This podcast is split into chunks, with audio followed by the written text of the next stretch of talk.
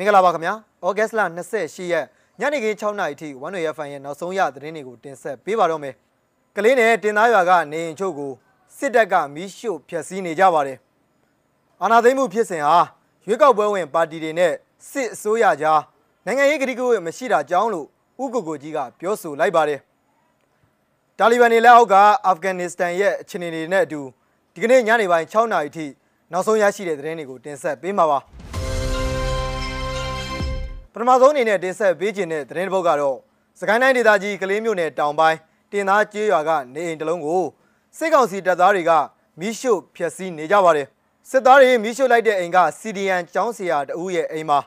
အခြားအိမ်တွေကိုလည်းမီးမရှို့ပဲဖျက်ဆီးထားကြပြီးပစ္စည်းတွေရှာဖွေထားပါသေးတယ်စစ်သားတွေမီးရှို့လိုက်တဲ့အိမ်က CDN ကျောင်းဆရာတဦးရဲ့အိမ်မှာအခြားအိမ်တွေကိုလည်းမီးမရှို့ပဲဖျက်ဆီးထားကြပြီးပစ္စည်းတွေရှာဖွေထားပါသေးတယ်လို့ဒေသခံတဦးကပြောဆိုပါတယ် ဒေသခံတွေပြပို့လာတဲ့ရုပ်တံဖိုင်တွေမှာလည်းနေအိမ်မီးလောင်ပြီးတော့မီးခိုးတွေအလိမ့်လိမ့်ထွက်နေတာကိုမြင်တွေ့ရပါတယ်စစ်ကောင်စီတပ်သားအင်အား100လောက်ကတင်သားရွာကိုဩဂတ်စ်လ26ရက်နေ့မှာရောက်ရှိလာပြီးရွာတွင်းကိုလက်နက်ကြီးတွေနဲ့10ကျက်လောက်ပစ်ခတ်ကြောင်းဒေသခံတွေကပြောဆိုကြပါတယ်အဲဒီနောက်မှာတော့တင်သားရွာတောင်ပိုင်းကတက်ကြွလှုပ်ရှားသူတဦးရဲ့နေအိမ်ကိုဘုံခွဲဖျက်ဆီးလိုက်ကြပါတယ်အင်ဂျင်1000ခန့်လောက်ရှိတဲ့ကလေးကံကောလမ်းမကြီးအနီးမှာရှိတဲ့တင်သားရွာကိုစစ်ကောင်စီတပ်သားတွေလာရောက်မှွေနှောက်တာ ၄ချိန်ရှိပြီးတော့ဒေသခံတွေလက်ရှိချိန်ထိထွက်ပြေးတင်းရှောင်နေရပါတယ်တင်သားရွာသားတွေကတက်တက်ကြွကြွနဲ့တပိတ်တွေလှုပ်တော့သူတို့ကလာကြတာထင်တယ်ပြီးတော့အရှိစည်းရွာဘက်တွေမှာလည်းတိုက်ပွဲတွေဖြစ်တော့အခုလိုအနီးနားကရွာတွေကိုဝင်မှွေကြတာမျိုးဖြစ်မယ်ထင်တယ်လို့ဒေသခံတို့ကစစ်ကောင်စီတပ်သားတွေရောက်လာတာကိုသုံးသက်ပြောဆိုပါတယ်။ဩဂတ်စ်လအတွင်းမှာကလေးကံကောလမ်းမကြီးပေါ်ကနေတက်ရွှေ့ပြောင်းမှုတွေပြုလုပ်နေတဲ့စစ်ကောင်စီတပ်ကားတွေဘုံခွဲတိုက်ခိုက်ခံရမှုမကြာခဏဖြစ်ပေါ်နေပြီးတော့ စစ်သားတွေလည်းတေဆုံးမှုများပြားလျက်ရှိပါတယ်။နောက်ထပ်တင်ဆက်ပေးခြင်းတဲ့သတင်းတစ်ပုဒ်ကတော့အာနာသိန်းပြည်စင်ပေါ်ပေါက်ခဲ့တာဟာရွေးကောက်ပွဲဝင်ပါတီတွေနဲ့စစ်အစိုးရကြားနိုင်ငံရေးကတိကဝတ်မရှိတာကြောင်းလို့88မျိုးဆက်ចောင်းသားကောင်းဆောင်ပြည်သူ့ပါတီဥက္ကဋ္ဌဦးကိုကိုကြီးကပြောဆိုလိုက်ပါတယ်။အခြားနိုင်ငံတွေမှာရွေးကောက်ပွဲပြုလုပ်ပြီးလို့ရှိရင်အနိုင်ရပါတီကိုအာဏာလွှဲပြောင်းပေးရတာဟာဖြည့်ရိုးဖြစ်စဉ်တစ်ခုဖြစ်ပေမဲ့မြန်မာနိုင်ငံမှာတော့ရွေးကောက်ပွဲရလက်အကောင့်တွေဖော်နိုင်ရေးစ조사ရမှာ ဒီမိုကရေစီအရေးဖက်ဒရယ်အရေးနဲ့မဟာမိတ်အဖွဲ့အစည်းတွေစုစည်းရေးကိစ္စအပြင်အရက်ဖက်စစ်ဖက်ဆက်ဆံရေးကိစ္စတွေလည်းရှိနေကြောင်းသူကပြောဆိုပါတယ်။ဒါ့အပြင်မြန်မာနိုင်ငံရဲ့ရွေးကောက်ပွဲဖြစ်စဉ်မှာရွေးကောက်ပွဲရလက်ကိုအကောင့်နဲ့မဖော်နိုင်တာဟာနှစ်ကြိမ်ရှိပြီဖြစ်ပြီးတော့1990ရွေးကောက်ပွဲနဲ့2020ရွေးကောက်ပွဲကိုထောက်ပြပြောဆိုပါတယ်။ရွေးကောက်ပွဲမတိုင်ခင်မှာရွေးကောက်ပွဲဝင်မဲ့ပါတီတွေနဲ့ရွေးကောက်ပွဲလုပ်ပေးတဲ့စစ်ဆိုးရနဲ့ကြားထဲမှာနိုင်ငံရေးကတိကူရမရှိဘူး။နိုင်ငံရေးပြည်ညင်မရှိဘူး။ ရွေးကောက်ပွဲပြီးသွားရင်ဘယ်လိုပဲပုံဆောင်ရွက်မယ်ဆိုတာညှိနှိုင်းထားတာမရှိတဲ့အခါကျတော့ရွေးကောက်ပွဲပြီးတဲ့အချိန်မှာထပ်ပြီးတော့စူးစမ်းလို့ညှိနှိုင်းလို့မရဘူးဆိုရင်စစ်တပ်ကအင်အားသုံးပြီးရွေးကောက်ပွဲရလက်ကိုလစ်လူရှုတာတို့သူ့လမ်းကြောင်းသူသွားတာတို့ကြုံခဲ့ရတယ်လို့သူကပြောဆိုပါတယ်2020ပြည်နှစ်ရွေးကောက်ပွဲရလက်ထွက်ပေါ်လာပြီးတဲ့နောက်မှာတော့မဲစင်းကိစ္စတွေနဲ့ပတ်သက်ပြီးတင်းမာမှုတွေရှိလာပြီးတဲ့နောက်မှာနိုင်ငံရေးနည်းလမ်းအရဖြည့်ရှင်းမှုဖြစ်မလာပဲအာဏာသိမ်းဖြစ်စဉ်ပေါ်ပေါက်လာခဲ့တာဖြစ်ပါတယ် အာဏာသိမ်းတဲ့ကိစ္စဟာလည်းတစ်ဖက်ကလည်းစစ်တပ်အနေနဲ့နိုင်ငံရေးအရရပ်ဖက်နိုင်ငံရေးအင်အားစုတွေနဲ့မဖြည့်ရှင်းနိုင်တဲ့အခါမှာသူကအာဏာသိမ်းတဲ့နည်းလမ်းပေါ့အာဏာထိန်းနေပေါ့သူ့ဘက်ကပြောတာတော့အဲ့ဒီလိုနဲ့အာဏာသိမ်းတဲ့အခြေအနေအထိရောက်လာတယ်ကျွန်တော်တို့ရှောင်လွှဲဖို့အတက်နိုင်ဆုံးမျှော်လင့်ခဲ့တယ်စူးစမ်းခဲ့တယ်လို့သူကပြောဆိုပါတယ်ဒီလိုအာဏာသိမ်းမှုဖြစ်စဉ်အတွက်ပထမဆုံးမဲပေးခွင့်ရရှိခဲ့တဲ့လူငယ်တွေရဲ့ရလက်ပေါ်လစ်လူရှုတဲ့ပုံစံဖြစ်ပေါ်ခဲ့တာကြောင့်နွေဦးဒေါ်လာရေးတုံ့ပြန်မှုတရက် ပေါ်ပေါက်လာတာဖြစ်တယ်လို့သူကသုံးသပ်ပြောဆိုပါတယ်နောက်ထပ်တာလီဘန်တွေလက်အောက်ကိုကြာရောက်နေတဲ့အာဖဂန်နစ္စတန်ရဲ့အခြေအနေတွေကိုစူးစီးတင်ဆက်ပေးကြပါတယ်တာလီဘန်တွေဟာမြို့တော်ကဘူးကိုသိမ်းပိုက်ပြီးတဲ့နောက်မှာနှစ်20ကြာစစ်ပွဲအပြီးအာဖဂန်နစ္စတန်နိုင်ငံမှာအာဏာပြန်ရလာခဲ့ပြီဖြစ်ပါတယ်အမေရိကန်နဲ့နေတိုးတပ်ဖွဲ့တွေကစတင်တက်ရုပ်သိမ်းချိန်မေလအတွင်းလျှက်တစ်ပြက်ထိုးစစ်ဆင်ပြီးတာလီဘန်တိုက်ခိုက်ရေးသမားတွေဟာဩဂတ်လ15ရက်မှာ ကဘူးမြို့စုံအထိစစ်ချီတက်လာတာဖြစ်ပါတယ်ဆရာတာတွင်မှာထိုးစစ်တွေကိုအနှင်းငယ်ခုခံမှုဒါမှမဟုတ်လုံလုံခုခံမှုမကြုံရဘဲတာလီဘန်တွေဟာနိုင်ငံတလွှားမှာတမျိုးပြီးတမျိုးသိမ့်ပိုက်ခဲ့တာပါသမရနန်းတော်ရာထိတာလီဘန်တွေဝင်ရောက်စီးနင်းထားပုံကို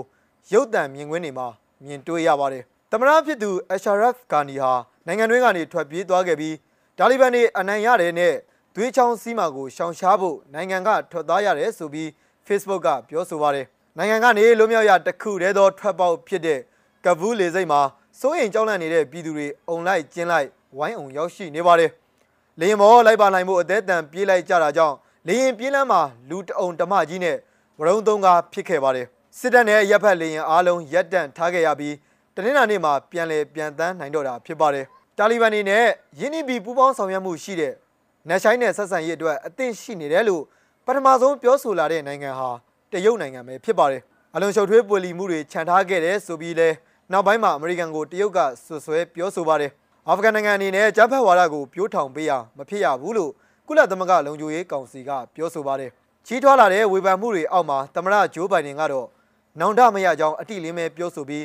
ခေါင်းဆောင်တွေအညံ့ခံထွက်ပြေးတဲ့နိုင်ငံတနိုင်ငံကိုအမေရိကန်စစ်သားတွေကကာကွယ်မပေးနိုင်ဘူးလို့အလေးနဲ့ပြောဆိုလာပါတယ်တာလီဘန်တွေကကဘူးမှာရှိတဲ့အစိုးရဝန်ထမ်းတွေအနေနဲ့ ဘယ်လိုမှစိုးရင်စရာမရှိဘဲ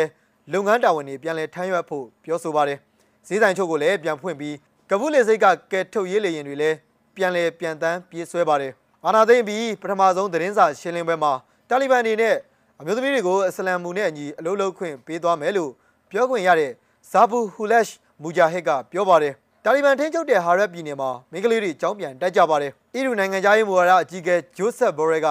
အီရူဖွဲ့အနေနဲ့ တာလီဘန်အနေနဲ့ပြောဆိုဆွေးနွေးသွားရလိမ့်မှာပဲဖြစ်တယ်လို့ပြောပါတယ်တာလီဘန်ထိုးစစ်တွေအတွင်းကျူးလွန်တဲ့ရာဇဝတ်မှုတွေဟာနိုင်ငံတကာဥပဒေကိုချိုးဖောက်ရာမြောက်ဖွယ်ရှိနေတယ်လို့နိုင်ငံတကာရာဇဝတ်မှုခုံရုံး ICC ရဲ့ရှေ့နေချုပ်ကာရန်ခန်ကပြောပါတယ်ရုရှားသမ္မတဗလာဒီမာပူတင်ကတော့တာလီဘန်တွေအာဏာသိမ်းမှုနောက်မှာနိုင်ငံတကာအတိုင်းအဝန်အနေနဲ့အာဖဂန်နစ္စတန်ပြိုလဲခြင်းကိုတားဆီးကာကွယ်ပေးကြဖို့ပြောဆိုတိုက်တွန်းပါတယ်ကဘူးကနေပြည်ပနိုင်ငံသားတွေနဲ့အာဖဂန်လုံဖော်ကင်ဘတ်တွေကို လေကြောင်းကယ်ထုတ်ရေးမဟာမိတ်တွေကလုံလောက်တဲ့လေယာဉ်တွေဖြန့်ကျက်ထားတယ်လို့နေတိုးကပြောပေမဲ့လေစိတ်မှာလက်ခံနိုင်တဲ့မြေပြင်အခြေအနေကကြီးမားတဲ့စိန်ခေါ်မှုတည်းဖြစ်နေပါတယ်။တာလီဘန်ပူးတွဲတီထောင်သူမူလက်ရှ်အဘရူဂါနီဘာရာဒါအာဖဂန်နစ္စတန်စီကိုပြန်လည်ရောက်ရှိလာပြီးနိုင်ပိုင်းတွင်မှာပဲအခုချိန်မှာအသွင်သစ်ဖြစ်လာပါလိမ့်မယ်လို့တာလီဘန်အုပ်စုကပြောခဲ့ပါတယ်။ကဘူးလေစိတ်ကနေအရေးပေါ်ကဲထုတ်ရေးနောက်ဆုံးရလက်ကိုအာမခံချက်မပေးနိုင်ဘူးလို့ ဂျိုးဘိုင်ဒန်ကပြောပြီးတော့တမိုင်းမှာအခက်အခဲဆုံးလေကြောင်းကယ်ထုတ်ရေးလုပ်ငန်းစဉ်တရက်ပဲလို့ပြောဆိုခဲ့ပါတယ်။လေစိတ်ဂိတ်တွေအနီးဖြစ်လာနိုင်တဲ့လုံခြုံရေးချင်းချောက်မှုတွေကြောင့်လေစိတ်စီးမသွားဖို့နိုင်ငံသားတွေကိုအမေရိကန်ကအကြံပြုထားပါတယ်။ကယ်ဆယ်ရေးမစ်ရှင်ပြီးမြောက်ရေးဩဂတ်စ်လ31ရက်နောက်ဆုံးသတ်မှတ်ရက်ကိုထပ်တိုးဖို့ဂျိုးဘိုင်ဒန်ပေါ် PR တွေကြီးထွားလာပြီးတော့ဒီရက်အမီအပိသက်ကယ်ထုတ်နိုင်ဖို့ဆိုတာတွက်ချက်ချက်အရလဲမဖြစ်နိုင်ဘူးလို့ EU နိုင်ငံသားရေးမူဝါဒအကြီးအကဲ ဂျိုးဆက်ဘော်ရဲကဆိုပါတယ်။ကပူးကလူအုပ်ထဲအာဖဂန်9ဦးသေဆုံးတယ်လို့ပြည်တိုင်ကာကွယ်ရေးဝန်ကြီးဌာနကပြောပေမဲ့အချိန်နေသေးစိတ်ကိုတော့မပြောဆိုပါဘူး။အရင်တရက်က Sky News ရဲ့ရုပ်သံထုတ်လွှင့်မှုမှာလေစိတ်အပြစ်ဘက်မှာအ ਨੇ ဆုံးရုပ်အလောင်း၃လောင်းကိုရိုက်ကူးပြသခဲ့ပါတယ်။ကပူးလေစိတ်ကဖြစ်ရမြင်ကွင်းတွေအတွက်တာလီဘန်တွေဟာအမေရိကန်ကိုအပြစ်ဆိုပြီးတော့တနိုင်ငံလုံးမှာငြိမ်းချမ်းတည်ငြိမ်နေပေမဲ့ကပူးလေစိတ်တစ်ခုတည်းဝရုံသုံးကားဖြစ်နေတယ်လို့တာဝန်ရှိသူတဦးကပြောပါတယ်။ ကပူးမြို့မြောက်ဖက်ပန်ချရှားတောင်ကြားမှာအစိုးရတပ်ဖွဲ့ဝင်ဟောင်းအချို့စုယုံတာနဲ့တူခုခံတော်လှန်ရေးအရေးငွေတော့ရှိနေပါတယ်။အမျိုးသားတော်လှန်ရေးရှေ့တန်းတပ်ဖွဲ့ကရေရှိတိုက်ပွဲအတွက်ပြင်ဆင်နေပေမဲ့အားလုံးပါဝင်တဲ့အစိုးရတရက်ဖြစ်ပေါ်ရေးတာလီဘန်တွေအနေနဲ့ဆွေးနွေးဖို့လဲတစ်ဖက်ကကြိုးစားနေတဲ့အကြောင်းလှုပ်ရှားမှုရဲ့ပြောခွင့်ရသူအလီနာဇာရီက AFP ကိုပြောဆိုပါတယ်ဒီကနေ့နောက်ဆုံးသတင်းတစ်ပုဒ်အနေနဲ့200တရက်မြောက်ဆေးအာနာရှင်စန့်ကျင်ဖြုတ်ချရေး တန်ခါတမကတပိတ်စစ်ကြောင်းတစ်ခုကိုလည်းဖွင့်ပြပေးခြင်းပါတယ်ခင်ဗျာ။လာပါဒီလိုဆောရဆောက်ကန်ရဆောက်ကန်ရဘာလို့ချင်လို့ဒီမိုကရေစီဘာသူတွယ်လို့ဒီလူပဲဟာဒီလူရညီရလားညီရညီရရှားရှင်လူညီရလားညီရ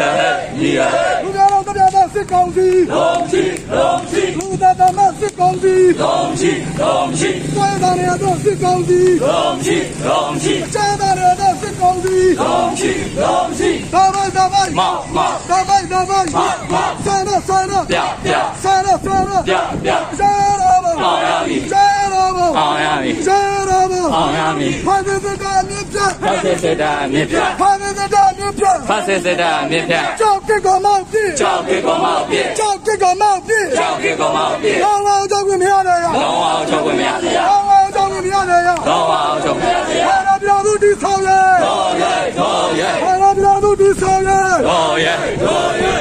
တ မိုင်းတမိုင်းမောင်မောင်တမိုင်းတမိုင်းမောင်မောင်ဆန္ဒဆန္ဒပြပြဆရာဆရာပြပြဆရာအောင်ရမည်ဆရာအောင်ရမည်ဆရာအောင်ရမည်ဟာဒီတော့ကောင်းတော်မြောက်ချက်ချင်းလို့ချက်ချင်းလို့ဟာဒီတော့ကျောင်းတော်မြောက်ချက်ချင်းလို့ချက်ချင်းလို့ဟာဒီတော့ကောင်းတော်မြောက်ချက်ချင်းလို့ချက်ချင်းလို့ဆရာအောင်ရမည်ဆရာအောင်ရမည်ဩဂတ်စ်လ28ရက်ညနေခင်း6နာရီထိနောက်ဆုံးရရှိတဲ့သတင်းတွေကိုတင်ဆက်ပေးခဲ့တာပါ။ One Way FM ကိုစောင့်မျှော်နားဆင်ကြတဲ့ပြည်သက်အပေါင်းကိုစိတ်နှပြချမ်းသာချမ်းသာကြပါစေလို့ဆုမွန်ကောင်းတောင်းလိုက်ရပါတယ်။ထူးခြားတဲ့သတင်းတွေနဲ့အတူကျွန်တော်တို့မကြခင်မှာပြန်လည်ဆုံတွေ့ကြပါမယ်။